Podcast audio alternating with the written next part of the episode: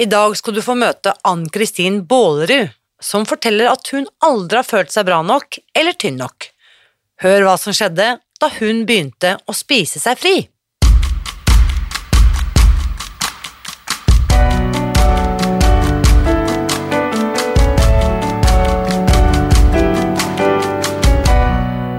Mitt navn er Irina Lie. Jeg er journalist og forlegger, gründer og sosial entreprenør. I 2015 spiste jeg meg fri fra overvekt og fedme etter å ha slitt med vekt, kropp og følelser i nesten 30 år. Etter at jeg knakk koden, ga jeg meg selv et nytt oppdrag – å dele denne kunnskapen med alle som trenger det. I denne podkasten kan du derfor høre hele lydboken Spis deg fri. Den finner du ved å bla deg tilbake i arkivet og lytte til første sesong. Hver uke inviterer jeg nå gjester som gir deg påfyll til hodet, hjertet og magen. For min visjon er å endre Helse-Norge, og det får jeg ikke til alene. Du bidrar ved å abonnere på podkasten, skrive en omtale i iTunes og tipse meg om hvem jeg burde invitere hit. Da setter vi i gang med ukens episode. Aller først så må jeg bare si godt nytt år. Er det ikke herlig, den følelsen å ha et helt nytt og ubrukt og blankt år som ligger foran oss igjen, proppfullt av potensial og ideer og drømmer som bare venter på å bli realisert. Jeg kjenner i hvert fall sånn akkurat nå, og kan nesten ikke komme, kan nesten ikke komme i gang med hverdagen fort nok for å ta fatt på dette elleville året som jeg vet venter på meg. Og aller først så må jeg bare skynde meg å minne om at eh, akkurat nå, i denne første uken av januar, så arrangerer jeg et gratis webinar om Spis deg fri, hvor jeg viser deg hva du kan gjøre for å spise deg fri fra overvekt, søtsug, smerter og helseplager. Du melder deg på helt gratis ved å gå til spisdegfri.no januar. Og i dag kickstarter vi altså åttende sesong av denne fantastiske podkasten sammen med Ann-Kristin. Og i disse dager så vet jeg at det er ca. ett år siden hun startet på sin reise. Og når du hører hva som er mulig å få til i løpet av ett år, så vet jeg at du kommer til å bli inspirert. Her er ukens gjest. Kjære Ann-Kristin, velkommen til podkasten. Tusen takk. Denne samtalen ja, det er kjempespennende, og denne samtalen har jeg gledet meg litt. Og så vet jeg at du har grugledet deg litt. Vil du bare si to ord om det, Ann-Kristin? Eh, det er fordi at eh, det her har betydd så veldig veldig mye for meg, sånn at jeg vil formidle det på riktig måte. da, Sånn at kanskje noen andre også får lyst til å prøve å få hjelp. Mm. Ja. Ja, Det er superverdifullt, og jeg vet at bare ved Jeg kjenner jo til litt av din historie, ikke alt, men bare ved at du forteller og deler dine erfaringer, så vet jeg at veldig mange kommer til å bli både imponert og inspirert og motivert. Og som du sier, kanskje også da at de får At, at vi kan så et lite frø, og at de tenker ok, hvis Ann-Kristin kan få det til, så kanskje er det håp for meg òg. Mm. Mm. Det tror jeg absolutt. Så vi har jo møttes og snakket sammen så vidt det har vært eh, på Zoom tidligere, men dette er på en måte første gang vi møtes sånn eh, på ordentlig da, på Zoom, selv om vi fortsatt bare er på Zoom. Men fortell litt om deg selv, Ann-Kristin. Ja, jeg er 52 år. Eh, jeg er gift med Knut. Jeg har tre barn. Eh, Herman på 23, Henrik på 21, og så har jeg Camille på 12. Eh, jeg har uh, flere jobber, så jeg er en travel dame. Jeg jobber uh, eh, 100% i barnehage som barnehagemedarbeider. Og så er jeg siden de siste 20 årene også frittstående hudpleiekonsulent og leder i et amerikansk kosmetikkfirma. Så det er jobb døgnet rundt, egentlig. Wow, Så du har liksom 200 %-jobber? ja, det har jeg. Hei sann. Ja. Og, og, da hele hjemmebanelaget som du også har beskrevet. Så du kjeder deg ikke, Ann-Kristin? Eh, nei, det gjør jeg ikke. og i dette travle livet så kan du umulig ha tid til å ta vare på deg selv og tenke på din egen helse. det har jo vært uh, litt så som så, da, kanskje etter at jeg fikk barn. Uh, men problemet er jo at jeg har på en måte følt hele livet at jeg har vært tjukk og at jeg ikke har vært bra nok, at jeg ikke har vært pen nok og sånne ting. Og eh, mye lenger enn jeg egentlig har trengt å tenke på det, for når jeg ser på gamle bilder, så er jo ikke det en sannhet. Så det er jo inni hodet mitt. Men eh, ja, man gjør så godt man kan, da. Og henge, henge, i stroppen. Um, men uh, det har jo gått på selvfølelse, ikke sant. Uh, ikke på at man har spist usunt, for vi spiser egentlig ganske sunt, men det har gjort at jeg kanskje har spist ikke dårlig, men jeg har spist feil, kan man si, på én måte. Mm. Um, ja. Det har vi jo lært mer om når vi på en måte ble kjent med denne metoden, hvordan vi på en måte tenker at vi kan ha spist sunt, eller ha fulgt råd om å spise seks små måltider, eller hva det måtte være, ja. eller bare ta en frukt her eller en yoghurt der, og så blir det ikke bra likevel. Men ja. det er jo Jeg vet jo at eh, vekt var jo en stor medvirkende årsak til at du begynte å teste ut dette greiene her, men før vi kommer så langt, fortell litt om på en måte vekthistorien din, da, eller denne karrieren som slanker. Uh, ja, den er jo uh, årevis lang. Um, og første gangen jeg prøvde meg på en slags uh, slankekur, da var jeg kanskje tolv, rundt der. Og da var jeg inspirert av to eldre damer som Eh, holdt på med noe greier, og det var ananas og yoghurtkur. Og på den tida så kunne jeg ikke fordra verken ananas eller yoghurt, men jeg ga det allikevel et forsøk. Um, og kanskje jeg veide 40 kilo, da, jeg vet ikke, men det var litt sånn at jeg, ja, man var ikke fornøyd med seg selv, og så tenkte man kanskje det var løsningen, da. Og det er jo mm. sikkert noe som mange kjenner seg igjen i. Um, ja, så den, den har vært i altfor mange år, den slankehistorien. Mm. Uten at det var grunn til det. Mm. Eh, og jeg vet jo, ikke sant, du, du, skrev jo til meg her at eh, ofte har det vært en tanke sånn at eh, hvor mange ganger har jeg ikke tenkt at jeg skulle ønske at jeg var så slank som jeg var ja. første gang jeg begynte, ikke sant? Og det, så tenker jeg tilbake, for jeg var jo også 10-12 år ikke sant, når jeg begynte med dette greiene her første gang, og så tenker jeg sånn at eh, Eh, jeg hadde da en mamma som startet på en ny slankekur hver mandag. Eh, nå døde hun riktignok hun da jeg var eh, veldig ung, men det på en måte har satt seg. Og sant, en mormor som alltid var opptatt av liksom at eh, liksom ting Og, og ære være dem, altså det var ikke noe, ikke noe stygt sagt om det, men sånn var kulturen, og sånn er kulturen til dels. Og så to eldre søstre, uten at det at jeg kan huske at det har vært sånn kjempeslankepress, men det var jo noe vi plukket opp veldig tidlig, at det å være tynn er bra, det å mm. liksom være tjukk, det er ikke bra. Det på en måte mm. ble programmert veldig tidlig. Er det noe du har snakket med jeg vet ikke, om i liksom andre kvinnelige medlemmer i familien, at det, at det er noe dere holder på med i, i, slekta, liksom, eller var det bare du som hadde fått dette for deg? Um, jeg har jo en søster som Men jeg kan ikke huske at vi har snakka så mye om det egentlig når vi var ungdommer. Uh, men jeg vet jo at mamma var på dietter og mormora mi også, så det er jo litt samme som deg, at, eh, at det var i familien, på en måte. Mm. Så, eh, ja. Men eh, jeg har jo noen venninner som Vi har på en måte fulgt hverandre opp igjennom, og akkurat det som du sa, det at jeg skulle ønske jeg var så tynn da, som første gangen jeg begynte å slanke meg, det var jo en venninne av meg som sa for lenge siden. og vi har jo hatt utallige treff opp igjennom der vi har sittet og drikket kaffe og på en måte eh, diskutert hva kan vi prøve neste gang, og, og vi håper at vi får til. Og, og eh, ja. Og vi har hatt så masse treff. Det er spesielt en venninne som heter Britt Elin, som ja, vi møtes stadig vekk over kaffe. Og når det er sagt, så har vi også ledd mange ganger over hvor mange timer vi har brukt på å sitte og drikke kaffe og fortelle om disse tingene og starta opp med utallige ting. Men eh, vi har også eh, sagt at vi har vært veldig veldig flinke, for at eh, vi kunne også ha sittet og spist de tingene som vi ikke skal spise. Men det har vi aldri gjort. Det er liksom eh, så få ganger som vi i det hele tatt har spist noe når vi har møttes. Så det har liksom vært den derre evige kampen etter å finne noe som fungerer, da.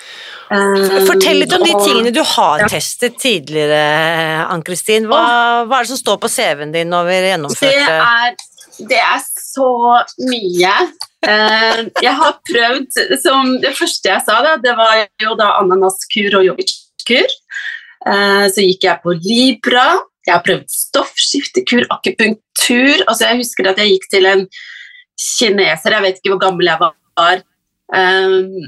som holdt til på Lillestrøm. Han satte nåler, og da skulle man bare drikke vann i flere uker. Og jeg mener, hallo, betalte masse penger for det. Og det var slankepiller, det var vektklubben til VG, har jeg prøvd. Um, Rikshospitalets diett er det sikkert noen som uh, husker. Hva, hva, går denne, hva, går, hva, går Rikshospitalets diett ut på, husker du det? Um, det var en spesiell kur. Det var noe sånn tredagersopplegg, tror jeg. Med du skulle spise sånn og sånn. og Jeg husker at det var jeg vet ikke, rødbeter, og så var det kokte pølser. jeg vet ikke, Det var sånn superrar sammensetning. Men uh, ja. Er dette da tilbake på Hvor langt tilbake i tid er vi? Nå måtte jeg bare begynne å google. Rikshospitalets slankekur. 13 dagers diettplan, skal vi se her. Jeg tenker at det kanskje dette, var på midten av 90-tallet. Ja, skal vi se, må bare, Her må vi bare rett og slett Dette er en artikkel jeg fant nå, da. Ja. Fra 2021. Rikshospitalets slankekur er en 13 dagers diettplan som består av magert kjøtt, egg, kaffe og te. Ja, Det var ikke det jeg følte. Det var en tredagerskur, og det var salt kjeks, og det var helt merkelig sammensetning. Ja. Men uh, det var sikkert noen bare som har kommet på noe lurt, og så kalte de for det for å få litt publisitet. ikke sant? Ja, nettopp. Vet ikke. Og så har jeg vært på Grete Rode flere ganger, brukt masse penger på det. Testa Nutrilett, selvfølgelig. 5-2-dietten. Easy Life. Eh, flytende, eh, eh, flytende, næring i de første ni ukene. Og det siste som jeg prøvde sånn ordentlig, det var jo Cell Reset, en sånn 28-dagerskur som var helt supert og fungerte veldig bra. Men det var jo veldig veldig strengt. Det var ikke krydder, det var ikke frukt, det var ikke bær, ikke sånne ting. Så jeg har vært innom nettkurs, eggfaste, lavkarbo, brukt penger på app nettkurs, kjøpt opplegg og oppskrifter og fulgt gründere og influensere. Og så er jeg her. Men jeg må, jeg må bare spørre, Ann-Kristin. Dette er jo helt ja. ellevilt. Du, du, har jo på en måte ja. mastergrad i slankekur, ikke sant? Ja, det har jeg. Virkelig. Så, så har du noen gang, ikke at det nødvendigvis er en veldig hyggelig øvelse, men har du noen gang satt deg ned og prøvd å regne ut hvor mye penger du har brukt på Veldig mye, Det er jo kostbare greier, jeg har jo brukt halvparten av de greiene der selv. Ja. Nei, det har jeg ikke, og det tror jeg ikke jeg ønsker å gå inn på heller. For det, tror, da tror jeg jeg blir ganske nedbrutt som har brukt så mye penger. Uh, men det var jo derfor også at jeg tenkte at det, eh, nå skal jeg ikke på noe mer kurs eller kur, eller eh, jeg skal ikke bruke en krone til. Nei. Nå må jeg finne noe som funker. For, fordi en, en ting er penger, men en annen ting er liksom Kan du beskrive hvordan det føles å være Ann-Kristin. Jeg tipper at du var Ann-Kristin 22 år, Ann-Kristin 32 år, Ann-Kristin 42 år, ikke sant? Og prøve disse greiene. Og hvordan føles det å gå år etter år, måned etter måned, tiår etter tiår og ikke få det til? Um, det er jo litt litt essensen i alt det her, da. At man føler seg uh, som jeg sa innledningsvis, at man hadde jo alltid dårlig selvfølelse. Det var vel kanskje det som var uh, grunn til at man starta med disse greiene hele tiden også, selv når det ikke var nødvendig. Men at man føler seg bare enda dårligere, da, fordi når man ikke klarer det og tenker liksom at off, nå klarte jeg ikke denne gangen heller. ikke sant, at man man kjører seg bare inn i et dårlig mønster, og så kanskje man spiser enda mer av det man ikke burde spise, og så er man ja, det blir bare neve i runddans, mm. egentlig. Hvordan gikk, med vekten, hvordan gikk det med vekten i disse årene? Var det sånn at du klarte å holde det da liksom, Noen har et sånn magisk nummer som de klarer å presse seg innunder, mens andre bare mm. slanker seg tjukkere og tjukkere. Hvordan var det for deg? Um, det var nok litt sånn at uh, for hver gang jeg prøvde, så ble det noen kilo ekstra. Ja. Dessverre. Ja. Så um, ja. Uh, og i fjor sommer så var det liksom jeg så et forferdelig bilde av meg, og altså, jeg har aldri veid så mye, ikke engang når jeg har vært gravid. Uh, og da tenkte jeg bare at nå, nå er det nok, nå må du begynne med noe. Så da begynte jeg med lavkarbo. Fordi at det, det, er på en måte alltid det jeg har gått tilbake til, for jeg liker den måten å spise på. Og jeg har jo kjent på kroppen lenge at eh, hvis jeg holder meg unna brød og sukker, så eh, føler jeg meg veldig bra. Eh, da får jeg fort eh, bra energi, og det er liksom eh, Det funker bra, da. Mm. Men, men jeg syns alltid det er veldig vanskelig å vite hvor mye skal man spise, og hva skal man spise. Eh, så det, det går liksom ned sånn 7-8 kilo, og så skjer det ikke noe mer. Og så mister jeg liksom piffen, på en måte. Ja. Eh, Kunne, kunne jeg spørre, Ann-Kristin, eh, hvor mye du veide da i, i fjor sommer, når du sier at du var på all time high? Hva stoppet badevekten på da? Uh, det vet jeg ikke om jeg har lyst til å si. Nei, det er helt øden. Det er helt øden. Ikke i- no stress. Vi skjønner at du var uh, omfangsrik, da, for å si det sånn. Men ok, syv, syv-åtte kilo ned med lavkarbo, og så treffer du på en måte bånd, og så skjer det ikke noe mer. Nei. Um, men jo, altså Så jeg starta liksom i begynnelsen av august i fjor og, og var uh, veldig, veldig fornøyd med det. Og så gikk det til uh, lille julaften. Og i barnehage før jul så er det jo masse godterier. Man får masse av foreldrene som står fremme hele tiden på avdelingene og på spiserommet, selv om det er en sukkerfri barnehage.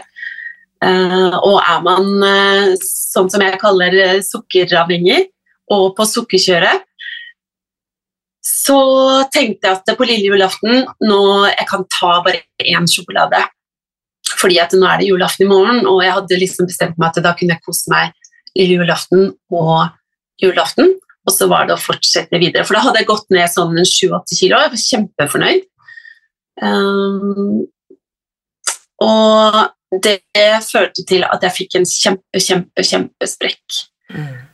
Som Jeg må, jeg må, jeg må, jeg må bare dvele, dvele litt ved dette her, for det du beskriver, det er nesten ikke til å tro.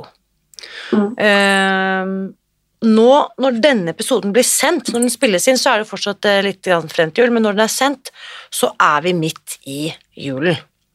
Og Ja. det som kan være vanskelig å fatte, er at den ene sjokoladebiten du beskriver, lille julaften i fjor, Mm. utløser et skred.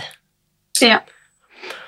Beskriv Det det. Mm. Hva skjer er- rent sånn, hvis du liksom prøver å tenke tilbake, hva skjer oppi hodet ditt, hva skjer liksom i munnen din, hva skjer liksom i kroppen din, hva, hva skjer med Ann-Kristin når du tar den biten? Eh, nå, er det jo, nå er det jo så lenge siden jeg spiste sjokolade, så nå, nå klarer jeg liksom ikke å tenke hva, hva jeg følte da. Men uh, uh, jeg, jeg vet at jeg alltid sier til mannen min da nå er jeg på kjøret. Og det er det jeg mener også, for da klarer jeg virkelig ikke å stoppe. Da er det masse, masse sjokolade. Og, og det er som jeg tenker mange ganger at jeg, hvorfor, som jeg skrev i manus som jeg sendte til deg, så hvorfor drikke Jeppe, liksom? I den Jeppe på Bjerget, ikke sant? Så var det jo sånn der, alltid spørsmål hvorfor drikker han? Og jeg tenker også at eh, det er et resultat av at man ikke har det bra inni seg. Mm. At eh, det, er, det gir en slags sånn dop, da. Jeg vet ikke. Og det er, det- eh, det er en så vond følelse å være der og på en måte ikke mestre det man egentlig har lyst til. Mm. Eh, Det er kjempe, kjempedumt og veldig, veldig vond følelse. Um, og for min del da så gikk det jo Fordi at når man er en superslanker og har vært det lenge, så har, eh, har man eh, liksom flere oppstartsdatoer som er obligatoriske, og det har jeg fulgt i mange, mange år. ikke sant? Det har alltid vært 1. januar, selvfølgelig. Det kjenner jo alle igjen. Eh, og fordi at sesongen i eh, min andre jobb, der jeg er eh, frittstående hudpleiekonsulent, så er det oppstart 1. august, og da har det liksom vært også 1. august de siste 20 årene. Da begynner man på nytt, ikke sant? Da er det nytt, eh, nytt år og nye muligheter. Um, men når den tiden går, og vi kommer inn i uh, 1. januar 2022, og jeg ikke klarer å starte, så uh, jeg gjør, gjør et sånn halvhjerta forsøk, så blir jeg liksom enda mer eh, Jeg føler meg enda dårligere, da. Mm. For at da har jeg liksom mista den starten også, og jeg vil jo eh, Jeg tror at alt bunner i at jeg vil jo være flink, jeg vil klare det jeg ønsker å klare, ikke sant, og, og den derre at man aldri har følt seg flink nok, ikke sant. Og når du mister det, så blir man liksom så ute av det. Uh, man blir uh, Ja, det var eh, Det var ikke noen god følelse. Og jeg husker at jeg følte meg så dum og teit, og nå er du der igjen, og hvordan skal dette gå? Skal jeg orke å starte opp med noe igjen, liksom? Ja. For den, for, for den eh, ene sjokoladebiten, første lille julaften i fjor, ender jo da Ja. med en avalanche, eh, og spiser du da gjennom hele julen? Er det sånn å forstå? Eh, ja, det gjør jeg, fordi da skal jeg jo starte opp 1. januar, ikke sant. Ja, ikke sant? Så da kan du like er gjerne i påvente av oppstartsdatoen kan du Ja. liksom uh, gi gass. Ja. Så, så hva skjer med de syv-åtte kiloene som du har gått ned med lavkarbo da høsten 20, eh, Eh, da går 21? Jeg, jeg går tilbake uh, nesten til start. Ja. Så den, den lille sjokoladebiten på lille julaften, den er den er eh, fatal, altså. Kjempesprekk, vil jeg føle. Og gikk tilbake i hvert fall fire-fem kilo, så da har jeg kanskje gått ned to, da. Når jeg eh, prøver å starte opp igjen 1. januar, men det skjer liksom ikke, fordi at eh, jeg syns det er vanskelig. Eh, og i samme moment også så eh, husker jeg at jeg går til lege fordi at det er noe i kroppen min som ikke er som det skal. Og det viste seg at jeg hadde helvetesild. Og alle som har hatt det, vet jo at det er eh, en veldig slitsom affære. ja. Så det er kanskje det som gjør at jeg har litt dårlig eh, selvdisiplin. Da. Jeg har liksom ikke den derre vanlige eh, gutsen når det er 1. januar. Nei, og jeg må, jo, Eh, jeg, må, jeg må jo bare skyte inn her, ikke sant? Veldig mange spør jo på en måte når er det beste tidspunktet å starte, og det beste tidspunktet er selvfølgelig i går, men ok, hvis ikke du startet i går, så, så. Men kanskje akkurat når du sliter med liksom akutt smertefull sykdom, så Ja. har du kanskje ikke det bitte lille overskuddet som trengs for Nei. å Så jeg, jeg, jeg skjønner det veldig godt, Ann-Kristin, og tenker på bare viljestyrke og dette vi har snakket om mange ganger. Det er ikke Og- lett å motivere og få opp den, det, det lille start. Man må jo orke å stå i startblokken for å komme i gang med dette. Så Mm. tilgi deg selv for at det ikke, ikke funket. Og samtidig så på jobb da, så, så eh, er det jo alltid oppstart av nye barn. Jeg jobber jo på småbarnsavdeling, så altså det var veldig, veldig pressa situasjon, så jeg sto i det, og jeg er liksom ikke den som er eh, borte fra jobb. Da skal jeg være skikkelig dårlig hvis jeg er borte fra jobb. Så jeg prøver liksom å stå i det, men det gjør jo noe med, med formen min, da. Ikke sant? Eh, men det var liksom Jeg husker mest den derre at fy så dum jeg var, og dust og alt. Jeg var liksom snakka i hvert fall ikke noe pent til meg selv da. Eh, men så er det en venninne som jeg har Vi har peppa hverandre litt den høsten for å gå ned i vekt. Ei som heter Gitte. Eh, vi har også kjent hverandre i 20 år og, og følt hverandre tykt og tynt, eh, og opptur og nedtur i livet. Og hun tar litt tak i meg, for hun, jeg tror hun skjønner hvordan jeg har det. Uten at jeg sier det sånn direkte. Så sier hun at eh, Vet du hva, jeg har kommet over noe som heter Spis deg fri, og kan du ikke komme bort, så skal jeg fortelle deg om det. Og så tenkte jeg bare uff, nei, ikke noe ikke noe mer Jeg orker ikke mer mislykka forsøk nå. Jeg var, liksom, jeg var veldig langt nede. Jeg fortalte ikke til henne. Og Uh, jeg hørte sånn med et halvt øre hva hun fortalte. Uh, men hun fortalte Jeg fikk med meg at det var noen fantastiske rundstykker. Eh, og at de, de veide med en annen slags vektform. Og så tenkte jeg det hørtes jo kjempeslitsomt ut, og det var liksom litt sånn Men så tenkte jeg Ann-Kristin, nå har du prøvd alt mulig.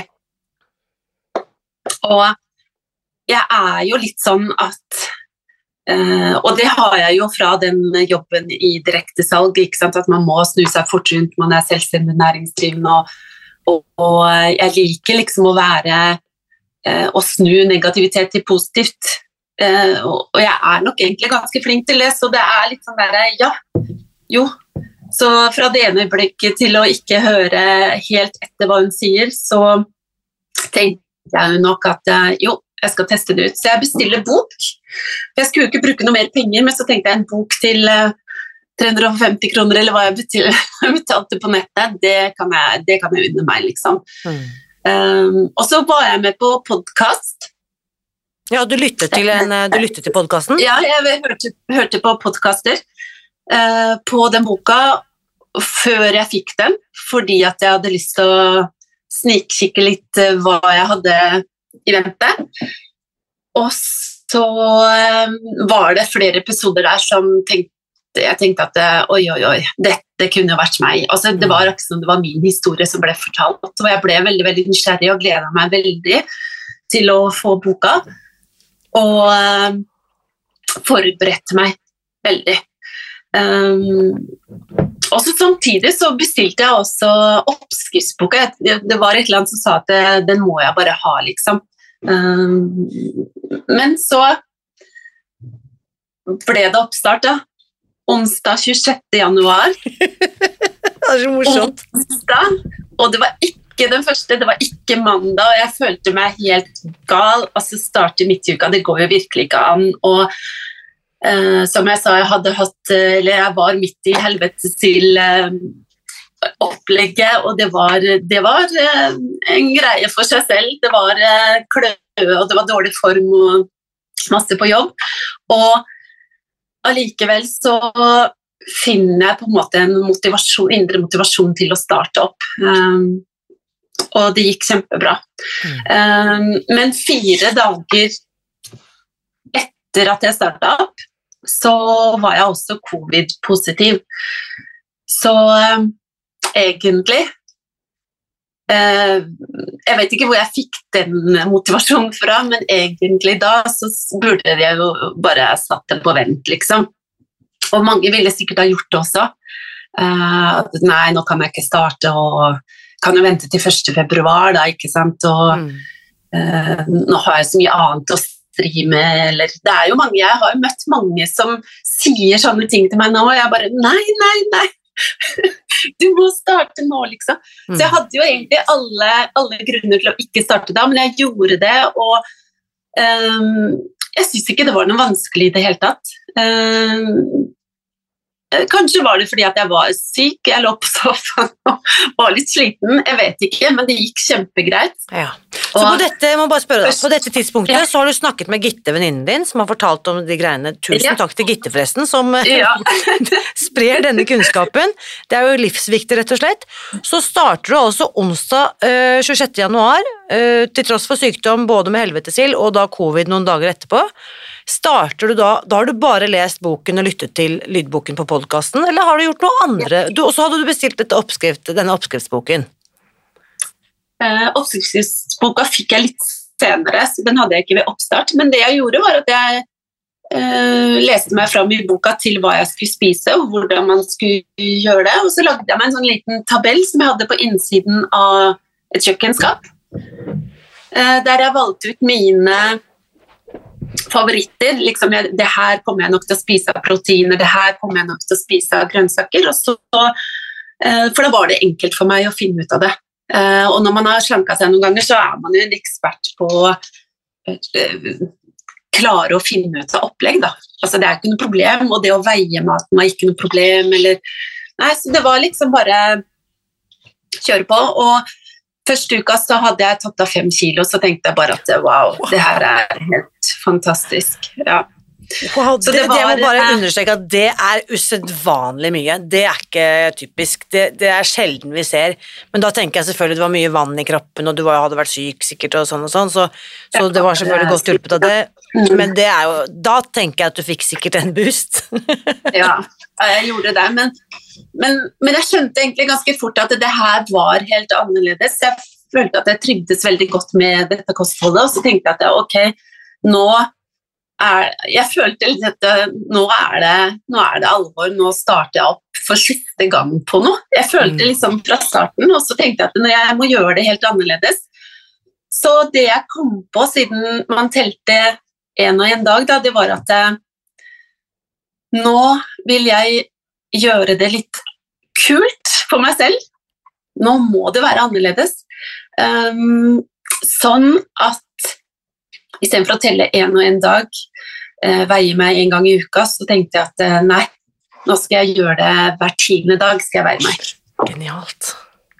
Uh, Og hver 30. dag så, jeg, nei, så måler jeg også. Fordi at det vet man jo også er kjempeviktig. Ja, og Fortell da hvordan du, tar, hvordan du tar disse målene helt konkret. Hvordan gjør du det, Ann-Kristin?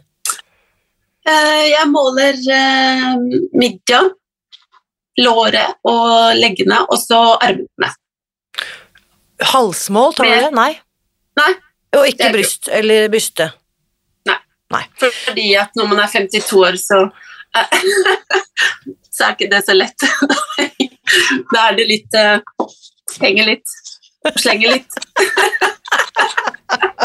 så, så, disse Nei, det, det, har jeg ikke gjort, men det er liksom livet og låra som er uh, viktig, føler jeg, da. Eller yes. det er liksom bare for å kontrollere litt, liksom. Og så tenkte jeg at jeg har lyst til å gjøre det litt annerledes. Og jeg tror at øh, fordi man hører jo mange gi opp litt i starten. ikke sant? 'Å nei, nå hadde jeg gått opp, og det er, dette funker ikke', og sånn. ikke sant? Men så tenkte jeg at nei, hver tiende dag er nok lurere, for da, da, er det jo litt forskjellige dager. Da er det ikke bare mandager. ikke sant? Mandager er jo den dummeste dagen å veie på hvis man ikke har vært helt sunn i helgen, da. Det er jo ikke greit. Så eh, da slipper og, og i starten, da, da slipper man liksom Eller jeg slapp, da og, og liksom føle på denne at det går opp og ned, fordi at jeg har alltid gått ned. Den tiende mm. dagen har jeg alltid hatt vekten en gang. Og ja, det er eh, For man vet jo, selv om det gikk kjempebra første uka, så har det jo vært uker da jeg har gått ned en halv kilo, så har det vært 1,5 kilo, så har det vært 400 gram, og så har det vært 200 gram. Det har liksom alltid vært ned. da. Yes. Og på en eller annen måte så denne gangen så har jeg følt at jeg har vært tålmodig, og det vet jeg er eh, fordi at eh, Og det slo meg litt også når jeg satt og tenkte på hva jeg skal si, at det, eh, denne gangen så er jo maten Det er liksom ikke noe tema, fordi at det, jeg føler at jeg spiser så godt hvert måltid. Mm. Um, så maten denne gangen er på en måte bare en sånn bygreie. Det er ikke det som er det viktige, plutselig. Og og jeg syns det var litt rart, for jeg har jo sett uh, mennesker på disse gruppene som hører til Spis deg fri, at de sier at det er så befrielse, og det er liksom sånn derre uh, Slippe det tankekjøret rundt mat. Så jeg tenkte at jeg har ikke noe tankekjør rundt det, jeg har aldri hatt det. Men jo, jeg har jo det allikevel, fordi jeg har jo stridd med hvor mye kan jeg veie, veie den, eller kan jeg veie denne maten hvor mye skal jeg ha, og nå spiste jeg kanskje for mye. Så det har jo kanskje vært litt sånn kjør uh, og tanker rundt det allikevel. Yes. Men nå er det jo ikke det.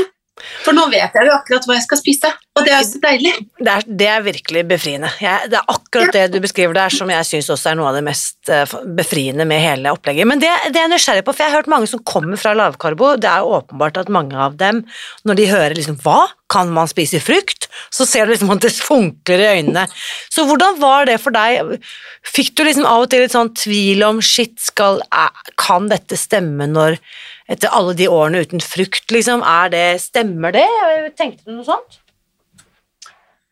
Uh, det, var, uh, det var, en befrielse å kunne spise det, og det gjør jo også at man ikke får de der uh, cravingsene som man har hatt etter noe søtt eller godt eller sånn. Så det, det, har jeg på en måte ikke hatt i det hele tatt. Men, men jeg skjønte jo, når jeg hørte på podkasten før jeg starta opp, så skjønte jeg jo hvorfor fordi det blir jo beskrevet veldig godt det der med at hjernen ikke skiller mellom vanlig sukker og eggsukker.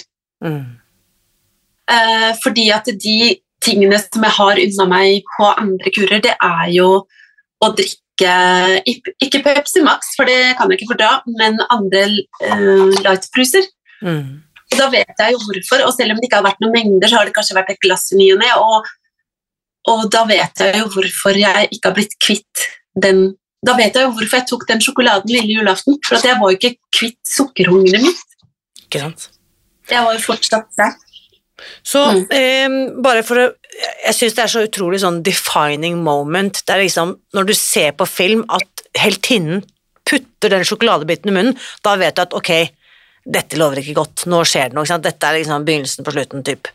Så bare for å ta akkurat det momentet der, for jeg tenker, du nevnte jo eh, at det var en setting, barnehage sånn og sånn, og det tror jeg er en veldig vanlig fallgruppe, spesielt for mange av oss kvinner, at så, vi føler sånn sosialt press. Eller at noen av barna har bakt, eller en av foreldrene har tatt med, jeg vil jo virke takknemlig og sosial og imøtekommende i møte med pappaen til henne, eller sant, søsteren hennes altså, skjønner, og setting, og, og, nå kommer denne lille treåringen og vil gi meg en sjokoladebit og putte i munnen. Så det er så mange sånne sosiale settinger, og kanskje spesielt i julen, hvor, hvor vi utsettes for mye sånn sosialt press, da, som jeg kaller det. Mm. Det er en viktig faktor. Så har du søtsuget, som du er inne på. Det derre 'åh, jeg har jo lyst på et eller annet'. Den kommer jo innenfra, det er jo ikke noe eksternt, men det, det skjer jo innenfra. Og så er det selvfølgelig det du nevnte eh, så veldig klokt også, med referanse til Jeppe på Bjerget. Altså alle vet at Jeppe drikker, men ingen spør hvorfor.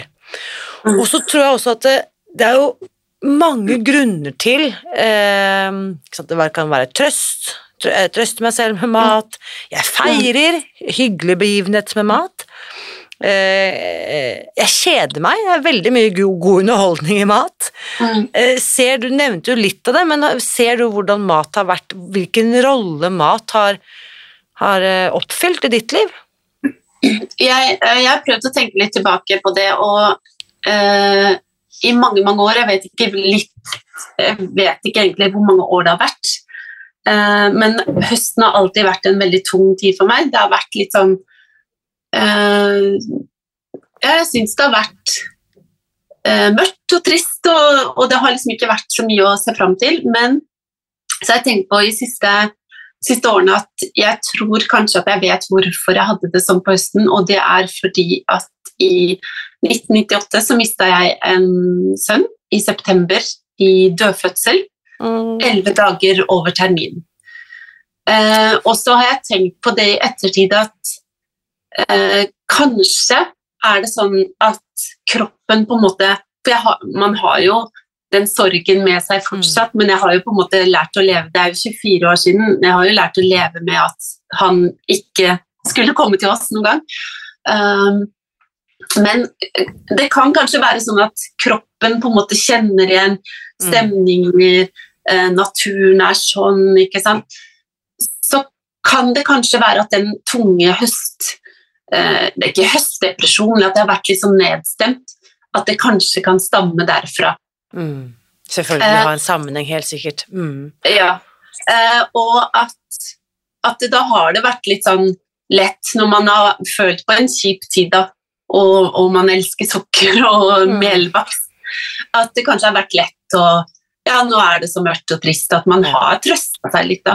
Men når du sier det der med sosiale settinger, så har jeg på en måte Eh, jeg er nok ganske sterk i meg selv, sånn at har jeg vært på noe greier, så har det aldri vært noe eh, farlig for meg å ha med ting.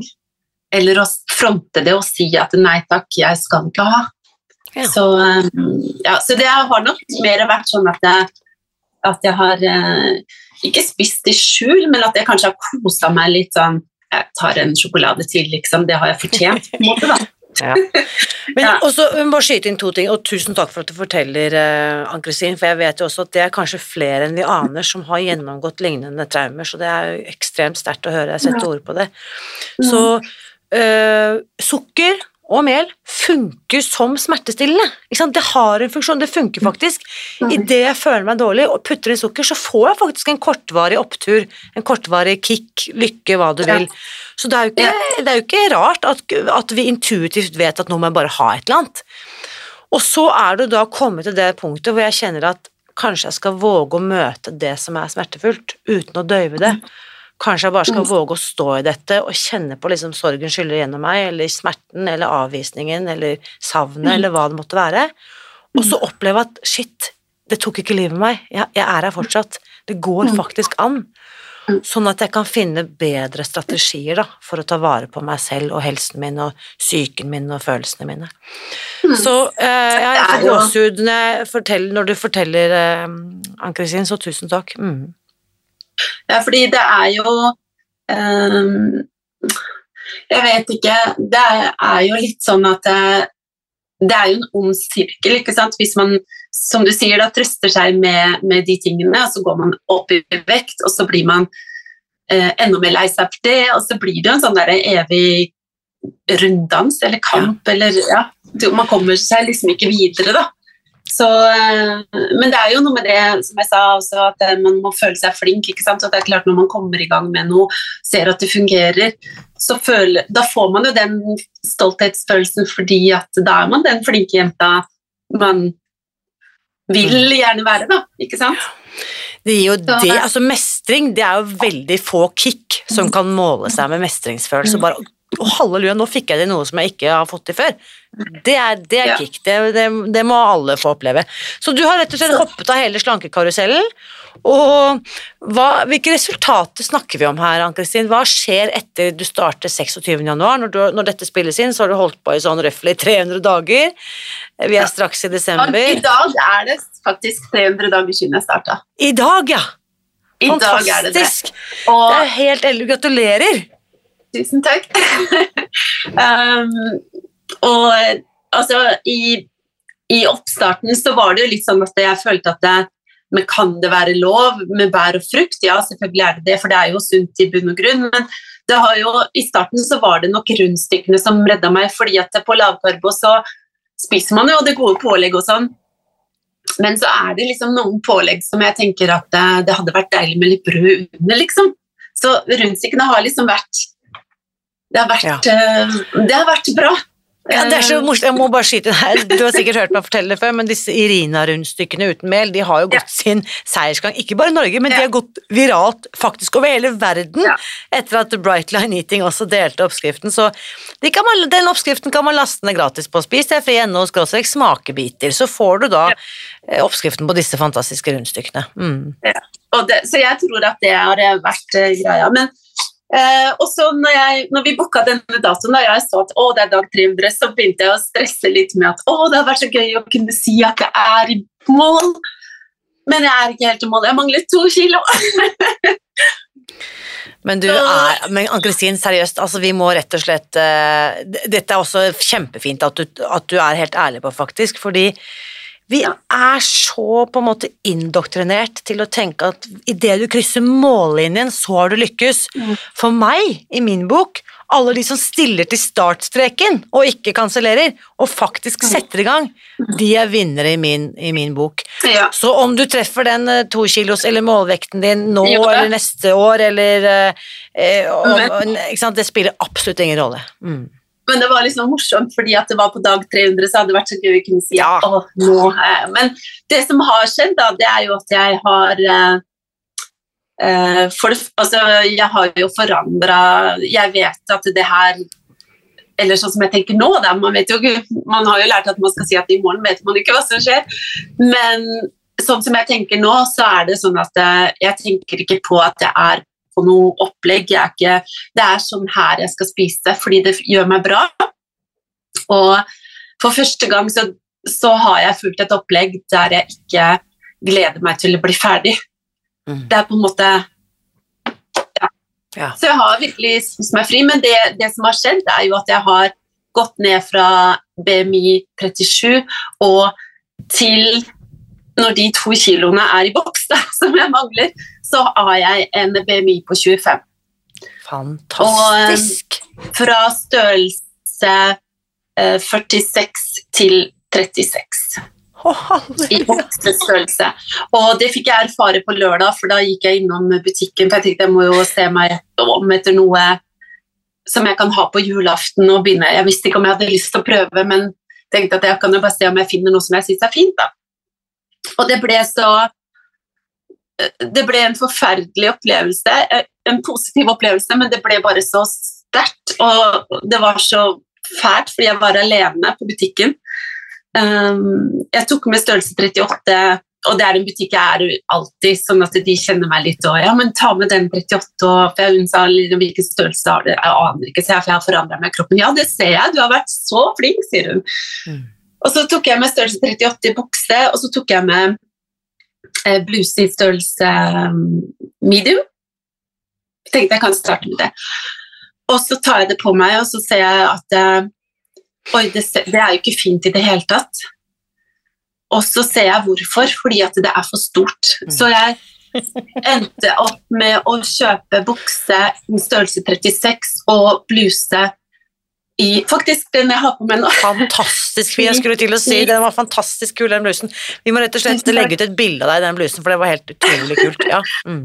Eh, men, men eh, i størrelse small, og når jeg innser det når jeg, Og jeg får helt tårer igjen Mm, når jeg tenker på det, fordi det var, det var så sterkt, og det var så eh, Det var alle følelser på en gang. Jeg var stolt, jeg var glad, jeg var litt redd også. Mm. Fordi at det, den følelsen av å gå inn i så små størrelser, det er på en måte noe jeg aldri eh, altså jeg, jeg tror ikke jeg har turt å håpe på det i alle disse kurene.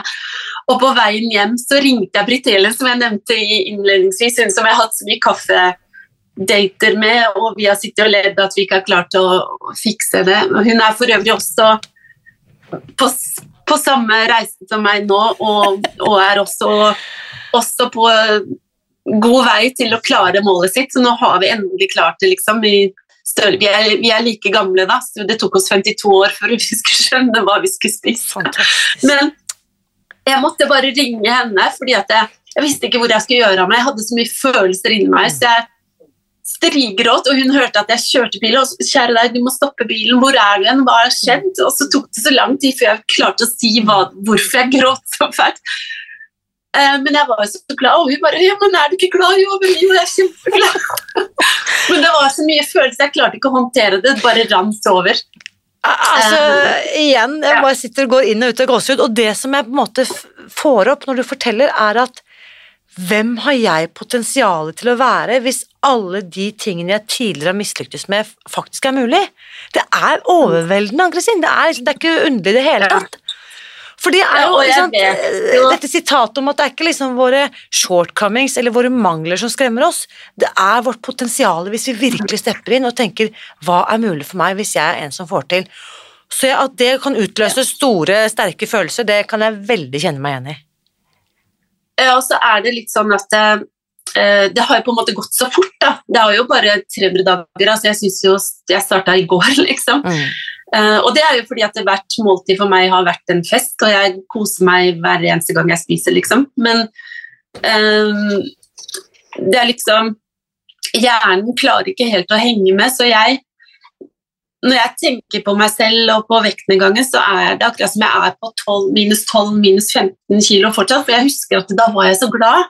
Da var Mm. jeg liksom så fornøyd med meg sjøl. Og så tror jeg at jeg kanskje egentlig tenker at jeg er der fortsatt, og så er det det dobbelte. Eh, Hvor mye har du gått med, sa du? Jeg har gått med 28 kilo. Å, halleluja. Det er jo helt vilt. Ja, jeg skjønner. Ja. Og det, og det tar tid før hodet henger med i den svingen der. Ja, det gjør det. Så, så det har liksom vært eh, Så jeg tror at det var det som var så overveldende at det, var så, det ble så synlig, da. For at når jeg ser meg i speilet, så noen ganger så føler jeg meg fortsatt som eh, tjukkebollefeit. feit. altså, Mm. jeg klarer liksom ikke å se meg sjøl, da. Eh, man er liksom fortsatt den personen Yes. som man eh, har vært litt misfornøyd med, ikke sant. Sånn at jeg, jeg klarer liksom ikke å se det helt, da. Dette her vet du vet, vet at du har hørt meg snakke om før, dette her om at our eyes are broken. Det tar tid Mm. før på en måte vårt, mitt bilde av meg selv er synkronisert igjen med min nye, eh, med min ytre utgave. Men jeg er nysgjerrig, for du forteller jo, ikke sant, du startet jo på egen hånd da, inspirert av venninnen din Gitte i fjor i januar. Eh, eller i år, januar 2022. Men Ja. eh, du melder deg likevel på kurs senere. Fortell litt om det. Hva er grunnen til at du gjør det, Ann-Kristin? For du klarer dette så bra på egen hånd. Hva, hva skjer her nå? Det var fordi at jeg møtte deg på Villa Malla i sommer. og, det første, og det første du spør meg om, for jeg, jeg sa til mamma min, eh, Knut, at eh, å, der er hun Irina. Jeg visste jo at det var søsteren din som driver det, så jeg skjønte jo at det var deg med en gang. Eh, og så sier jeg at der er Irina, jeg må gå bort og hilse på henne. Det var så hyggelig Fordi at du gjorde det. Ja. At jeg var så glad for det, og så er det første de spør om Ja, går du på kurs, liksom? Og da tenkte jeg bare Oh no, det gjør jeg jo ikke.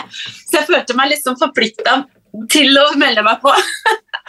Uff, det var ikke meningen å gi deg den, det var ikke Nei, meningen å gi deg nei, den. men jeg men- tenker at det er, det er så få som får sånne resultater som deg uten å gå på kurs. Det var Ja. derfor jeg liksom tenkte det. Mm. Ja, men så, så var det litt sånn at eh, Jo, jeg klarte det veldig bra, og jeg har klart meg bra gjennom hele sommeren. Jeg skal fortelle litt mer om det etterpå, men det var litt sånn at jeg, jeg har følt at jeg har hatt kontroll, men så tenker jeg at det, det er jo nå jobben starter, og det var jeg veldig klar over i sommer. at det, det er jo når jeg kommer i mål at jobben starter med å holde meg der. For jeg har jo alltid, eh, ikke alltid, men jeg har veldig ofte klart å gå ned mange kilo, men så kommer de jo snikende på fordi at jeg har gleda meg til å slutte på kuren, ikke sant? Eh, og gått tilbake til gamle dårlige vaner. Så, så jeg var klar over det at jeg, jeg hadde lyst til å gjøre det også annerledes, så jeg ville på kurs, men jeg hadde kanskje venta enda litt mer med å, å melde meg på, da. Hvis ikke det hadde vært Fordi, for at jeg og, og, møtte deg på Malla i sommer. jo, men, jo, men det var også litt sånn fordi at jeg, nå skulle jeg ikke bruke noe mer penger på dette og gå ned i vekt. Jeg var så lei av å bruke masse penger som jeg ikke klarte å fullføre. Men så ble det litt sånn at eh, ok, ikke sant, jeg kan, jeg kan gjøre det. Men da, var det, da ble jeg kanskje at jeg velte meg inn litt før jeg hadde tenkt. Da. Kunne du si litt om hva du har lært på det kurset som du på en måte ikke hadde plukket opp på egen hånd etter å ha lest boken og hørt på podkast og snakket med venninnen din, og hva, hva er det det kurset har eh, på en måte gjort ting, eh, endret perspektivet ditt, eller, hvis, eller hva det måtte ha gjort for deg?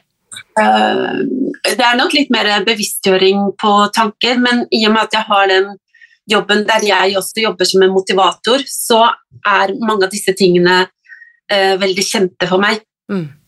For det er jo det jeg jobber med, på en måte, med å motivere andre. ikke sant? Mm. Men eh, det som jeg vil si er det beste, det er jo det å være på den gruppa og være med på de Zoom-møtene og sånn.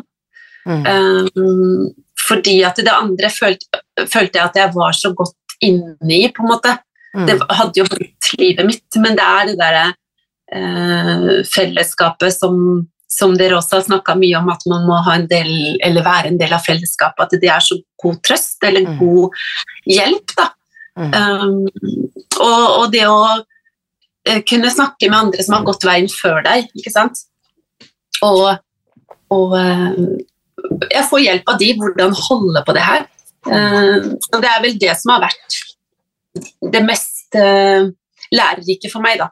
Mm. Eh, og så må jeg bare si, for jeg eh, vet jo hvordan det er å være den som skal coache, motivere, inspirere, men det er, jeg går jo selv på et eh, annet nettkurs nå, og det er så deilig å få lov til å være kursdeltaker, Ja. hvor jeg på en måte kan være den som kan stille spørsmål, få hjelp, ikke sant? For jeg vet at, sant? eh, som du har sett i gruppen nå, det er jo mange der inne som er high achievers og kjempefremgangsrike karrierer, og, og de står på, holder på, er på scener og hva vet jeg, foreleser og alt. Men det er så deilig å se at de også kan komme inn i rollen og få lov til å være den som tar imot hjelp. Det tror jeg vi alle sammen trenger Ja, ja, ja, og til. Absolutt. Eh, men jeg er jo litt sånn at jeg, selv om jeg har hatt mange opp- og nedturer, jeg har prøvd mye forskjellig, så er jeg litt sånn at jeg, jeg har liksom Jeg har hatt et motto at jeg skal aldri gi opp. Jeg skal aldri gi opp kampen mot kiloene eller mot å komme dit jeg egentlig ønsker å være. Da. Og nå føler jeg at jeg funnet min vei. Og det er litt sånn derre at eh, gamle Ann-Kristin ville sikkert ha venta til etter at jeg ble frisk, eller til 1. februar, ikke sant? Mens nye meg, og det føler jeg litt nå også, finner løsninger. Og Mm. gjennom hele sommeren så har vi jo vært på Vi har vært på farten, vi har vært eh, her hjemme. Eh, Pga. covid-situasjonen og sånn, så har man ikke vært eh, utenlands, og vi manglet, eller noen i familien mangla pass. Sånn at eh, det var liksom sånn det ble. Det ble hjemmesommer, så vi har vært på Jeg og datteren min på tolv vi har vært på roadtrip til Sverige. Eh, og jeg har vært på utallige overnattinger og restaurantbesøk her hjemme. Så gjennom sommeren så regna jeg ut at vi har spist på restaurant lunsj og middager liksom over 20 ganger.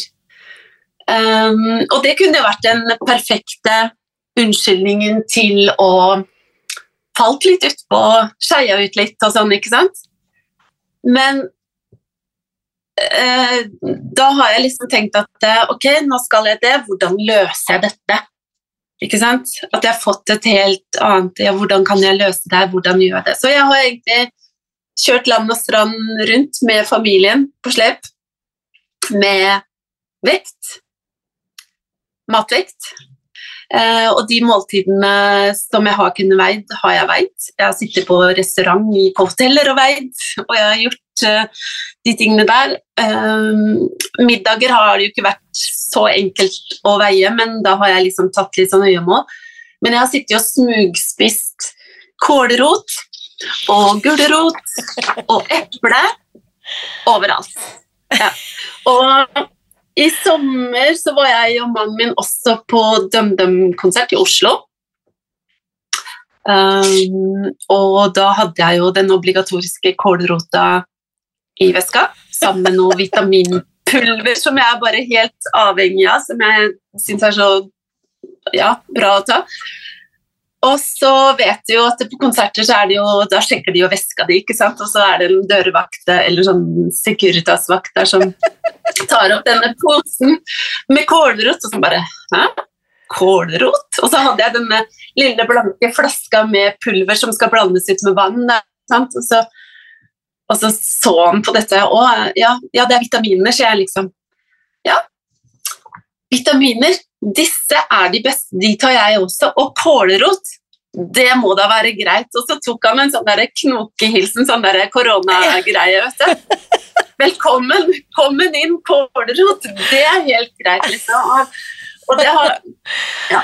Så det har liksom vært meg i sommer, da, flydd med, med oppmålt uh, kålrot og gulrot. Og Fantastisk. til og med når vi var på seminar i gallakjole, så så jeg og spiste gulrot, liksom, og folk liksom bare Oi, oi, oi, hva er det hun driver med? Men det gjør meg ingenting. Altså jeg tenker, ja. Ann-Kristin, før vi runder av, altså det du forteller både i forhold til arbeidsbelastningen din, familiesituasjonen din, eh, jobben du har, ikke sant, og, og reisedøgnene du beskriver her, med, med både med og uten barn, så, så tenker jeg at når du kan klare det, så er det ikke noe hinder å mm. være busy og likevel lykkes og få helt ellevilt fantastiske resultater.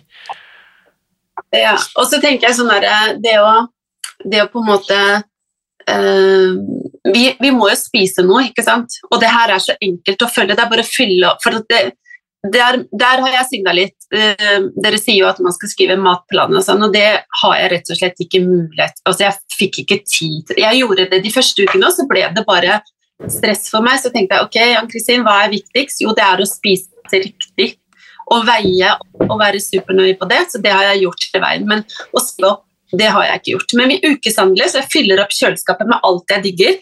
Og så er det bare å åpne kjøleskapet og plukke ut de ingrediensene jeg skal ha, og så måler jeg. Og, og jeg veier også, det er ikke, ikke 0,5 liksom med noe, det er akkurat. Og det har jeg gjort hele veien. Og og så, jeg, og så, teller jeg kiloer i smørpakker, så jeg har liksom tatt av ca. 60 smørpakker. Det er mye. Uh, og det, jeg syns det er så lurt å gjøre det, for man tenker jo I sommer så var jeg på butikken og kjøpte vannmelon. Jeg kjøpte bare én vannmelon, så gikk jeg og bærte den sånn, og så tenkte jeg hjemme oi, den var tung. Så veide den nesten 4 kilo, 3,7. Og så tenkte jeg sånn, Alle de gangene jeg har prøvd å gå ned i vekt, så har jeg liksom ikke jubla når det er 3,7 kilo, men når du kjenner hvor mm. tung den er å gå og bære på yes. Og jeg har tatt av nesten 30 kilo, tenkte jeg å gå og bære på det ekstra, det er jo helt horribelt. Ja, og jeg vet at, at man, kroppen elsker jo det her. Så ja. Og nå får jeg jo masse masse spørsmål. Hvordan skal du gjøre det på jul? og Nå er det snart jul, og da må du jo kose. Jeg bare Nei, trenger ikke det. Jeg kommer fortsatt til å veie maten min på jul, og noe, man må jo ikke spise eh, søtsaker selv om det er jul.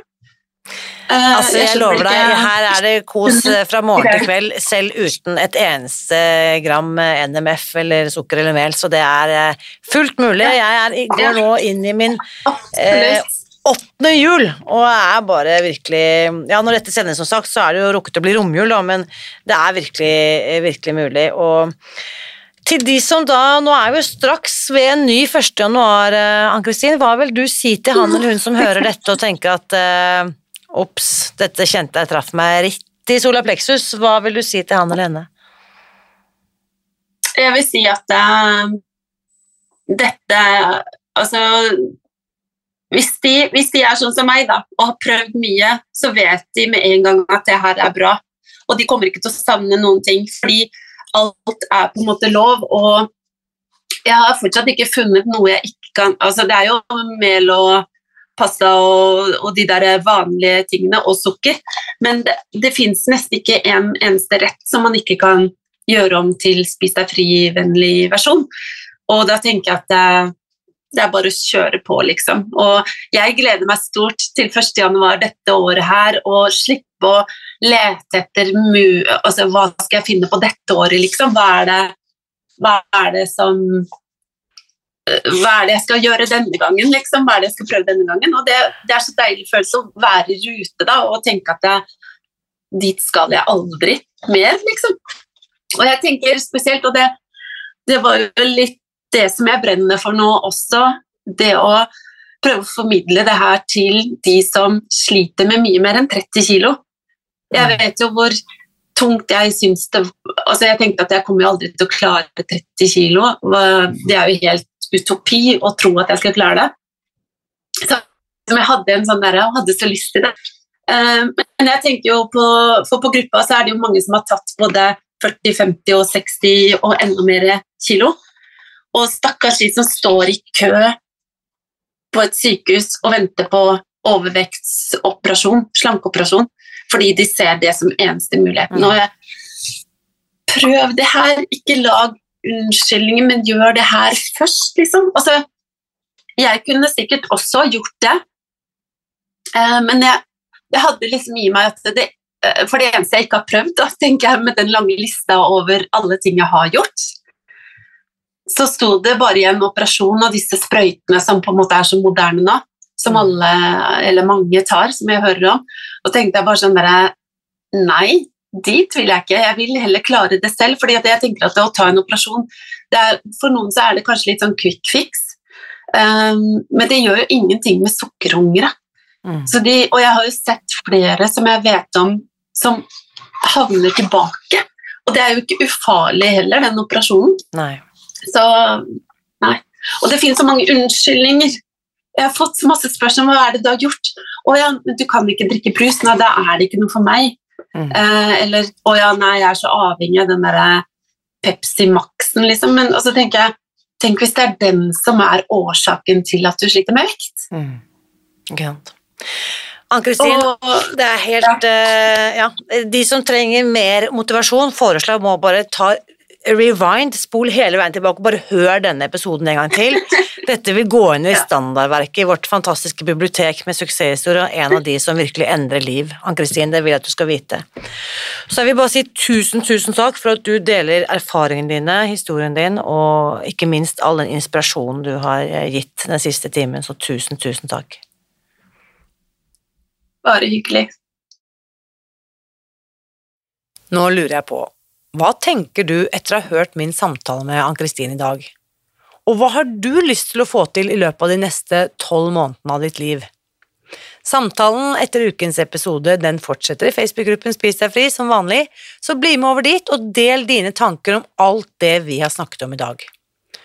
Og nå på begynnelsen av dette blanke, nye, ubrukte året så har jeg en helt fantastisk eh, nyhet til til deg, som du kanskje fikk med deg rett før jul, så lanserte jeg en ellevill idé om å starte en skole for å utdanne personlige veiledere som kan hjelpe andre som ønsker å spise seg fri.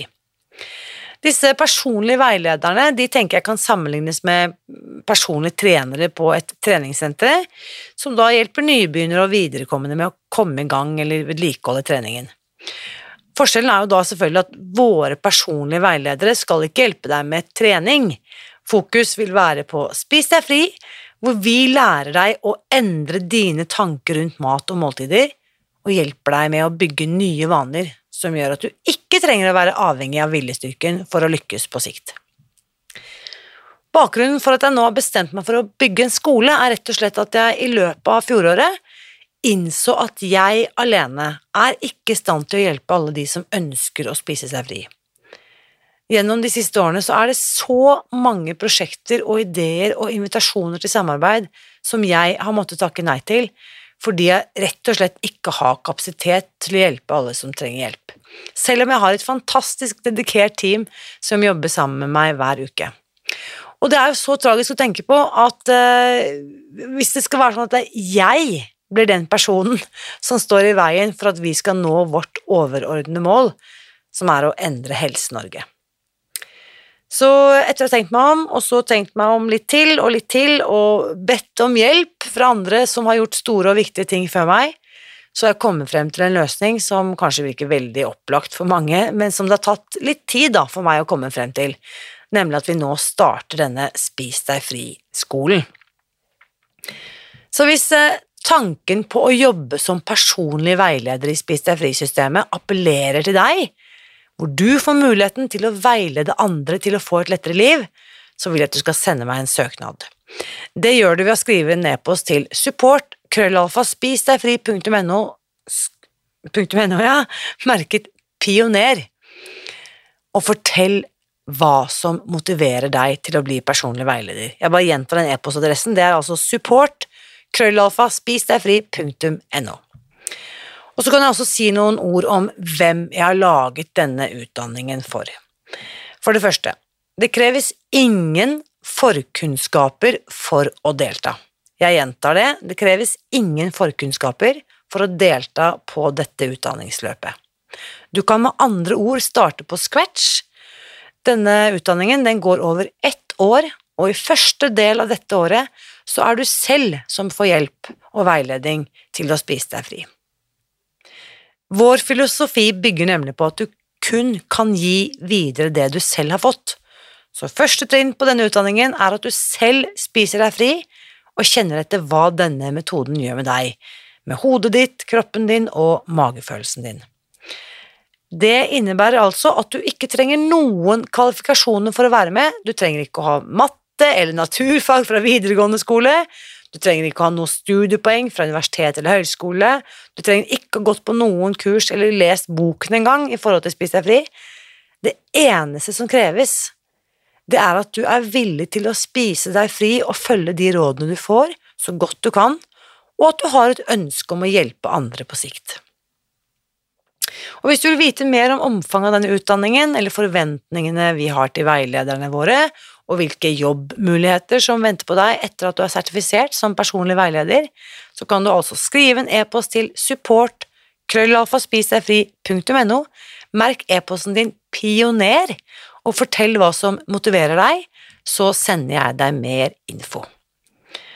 Og så må jeg også da til slutt legge til at du må bestemme deg så fort som mulig. De første studentene har nemlig allerede meldt seg på, og første, oppstarts, første oppstartsmøte det er allerede i neste uke. Så hvis du tenker at dette kan være noe for deg, så sender du en e-post til support krøllalfa spisdegfri.no, merket pioner, så sender jeg deg mer info så fort som mulig. Siste frist, det er altså søndag 8. januar 2023. Det vil si én uke frem i tid fra denne episoden publiseres. Kan jeg også bare legge til at Hvis du hører dette da etter at opptaket til årets kull skulle være avsluttet, og du kjenner at dette er noe du virkelig har lyst til å være med på en gang i fremtiden, så kan du fortsatt sende oss en e-post. Merket pioner, så skal jeg sørge for å sende deg en uh, ny e-post hvis vi da viderefører dette pilotprosjektet, og det blir i så fall tidligst om ett år. Ja, dette var mye om mye, og sånn må det nesten bli av og til. For jeg kjenner at det er så mye viktige ting som skal skje dette året, og jeg kan nesten ikke vente med å komme i gang. Så husk dette, uansett hva du drømmer om å fylle dette året med, så vit at jeg heier på deg. Alltid.